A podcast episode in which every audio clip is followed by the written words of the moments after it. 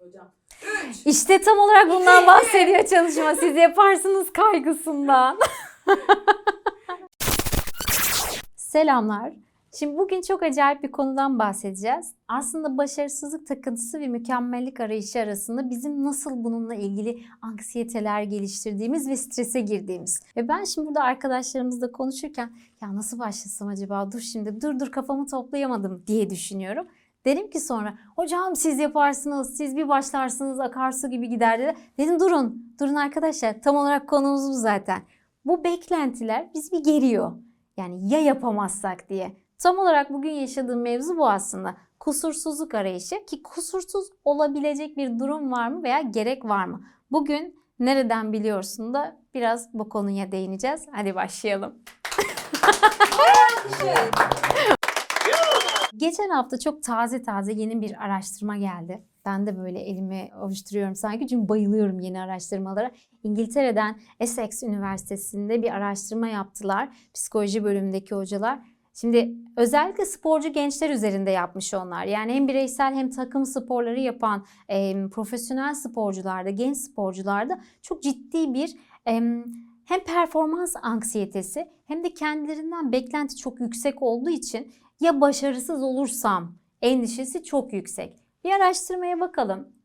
Şimdi Essex Üniversitesi yürütücülüğünde bir çalışma devam ediyor. Mükemmel olmak için uğraşan ve kafayı hatalarına takan sporcuların tükenmişlik tehlikesi altında olabileceği. Yani bütün mesele o burnout dediğimiz durum var ya tükenmişlik sendromu Türkiye'de biraz yeni yeni konuşuluyor ama aslında literatürde 1970'lerin başından beri var. Yani neden tükeniyoruz? Bir sürü sebep var. İş hayatı yoruyor, çocuklar, e, işte eğitim hayatı, sevgililer, eşler, e, sokağa çıktığınız stres, kaygı, yarın ne olacak? Tüm bunlar zaten biraz biraz aslında toplumu böyle ufaktan ufaktan ufaktan ittiriyor tükenmişlik sendromuna doğru.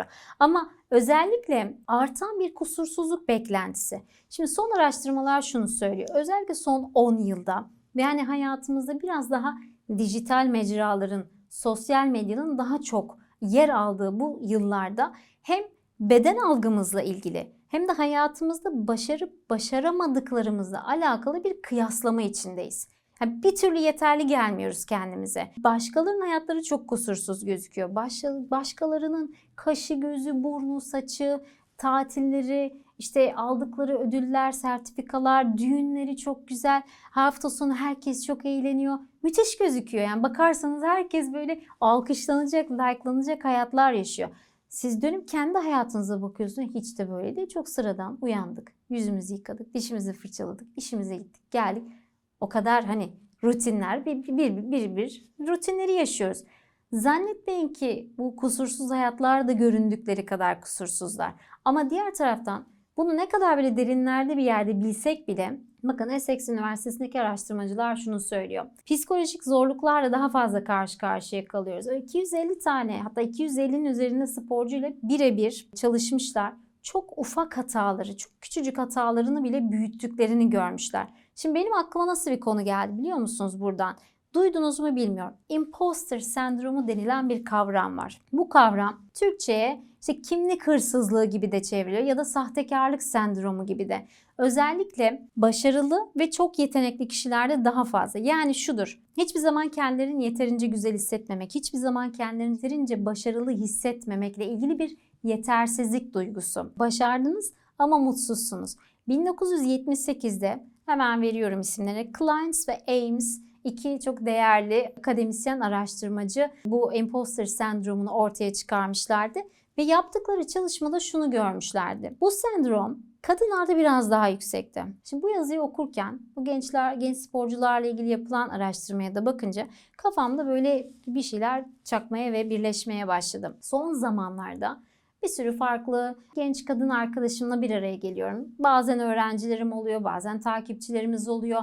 Bazen sokakta veya herhangi bir toplantıda karşılaştığım bir herhangi bir kadın oluyor. Gerçekten de konuşmalar çok fazla geçmişe takılı kalmış. Ya aslında ben o bölümü okumak istemiyordum veya herhangi bir hayatındaki idealle ilgili ya ben onu yapamam zaten fikrini çok önden kabul ettiklerini ve bu kişilerin background'una baktığınız zaman aslında hiç de öyle başarısız insanlar değiller. Fakat bu yetersizlik duygusunu bir şekilde mıhlamışlar hayatlarına, mühürlemişler. İşte bugün aslında biraz da bu konudan da bahsetmek istedim. Yani bu bir toplumsal baskı, tükenmişlik sendromunun altında yatan o statülere ve veya işte toplumun bize vermiş olduğu rollere uygun olma telaşının altında yani toplumu bir tarafa bıraktığımızda bir de bireysel baskı söz konusu. En çok ne de gördüm biliyor musunuz bunu? Yani birkaç tane başlığa bu bütün araştırmaları inceledikten sonra kendi gözlemlerimi de işin içine katarak şundan bahsetmek istedim. Hayat filtreli değil ve hayat çok kusurlu. Her yanıyla da kusurlu. Şimdi ben bu sabah bu gömleğimi ütüledim çıktım. Ondan sonra ders anlattım, arkadaşımla öğle yemeği yedim, işte dolmuşa bindim, buraya geldim, bir şeyler konuştuk, çalıştık.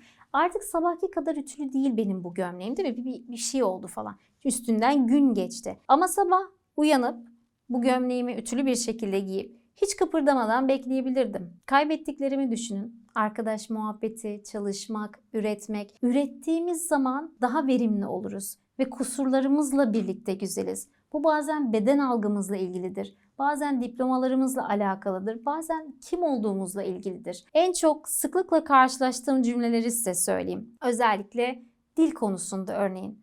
Hocam ben anlıyorum ama konuşamıyorum. Çünkü çok ciddi bir rezil olma korkusu var altında. Yani bu işte bahsettiğim imposter sendromu defalarca defalarca karşımıza çıkıyor. Hayır, rezil olmazsın. Başta konuşmaya bir yerden. Geçmişe takılıp kalmak bahsettiğim ya başka bir hayat olsaydı olmadı. Olanla başka güzel bir şey yaratmaya çalış. Kusurlarıyla sevmeye çalış. Hiç önemli değil. Ya rezil olursam hepimiz oluyoruz. Hiç önemli değil bak. Başlarken ben ne anlatacağımı bilmiyordum. Buralara geldik şu anda. Ve sonrasında yani en son bahsetmek istediğim şey izlediğimiz hayatlar çok güzel. Hollywood filmleri çok güzel. Sosyal medyada her şey çok kusursuz. Ama bu biraz da aslında kapitalist düzenin bize sunmuş olduğu bir pazarlama aracı. Lütfen bunu unutma olur mu? Kusursuzluk diye bir şey yok. İyi ki de yok. Olduğumuz gibi, olduğumuz halimizle güzeliz bu başarısızlıktan korkma ve başarıya karşı duymuş olduğumuz bu müthiş takıntı aslına bakarsanız koca bir balondan ibaret gibi o balonu da bir tane iğneyle patlatabiliyoruz aslında. Öyle düşünürsünüz biraz daha mutlu olabilirsiniz diye düşünüyorum. Dinlediğiniz için çok teşekkür ederim. Arkadaşlar sizlere de çok teşekkür ederim. Moral oldu bana da. Sağ olun. Görüşmek üzere. Hoşçakalın.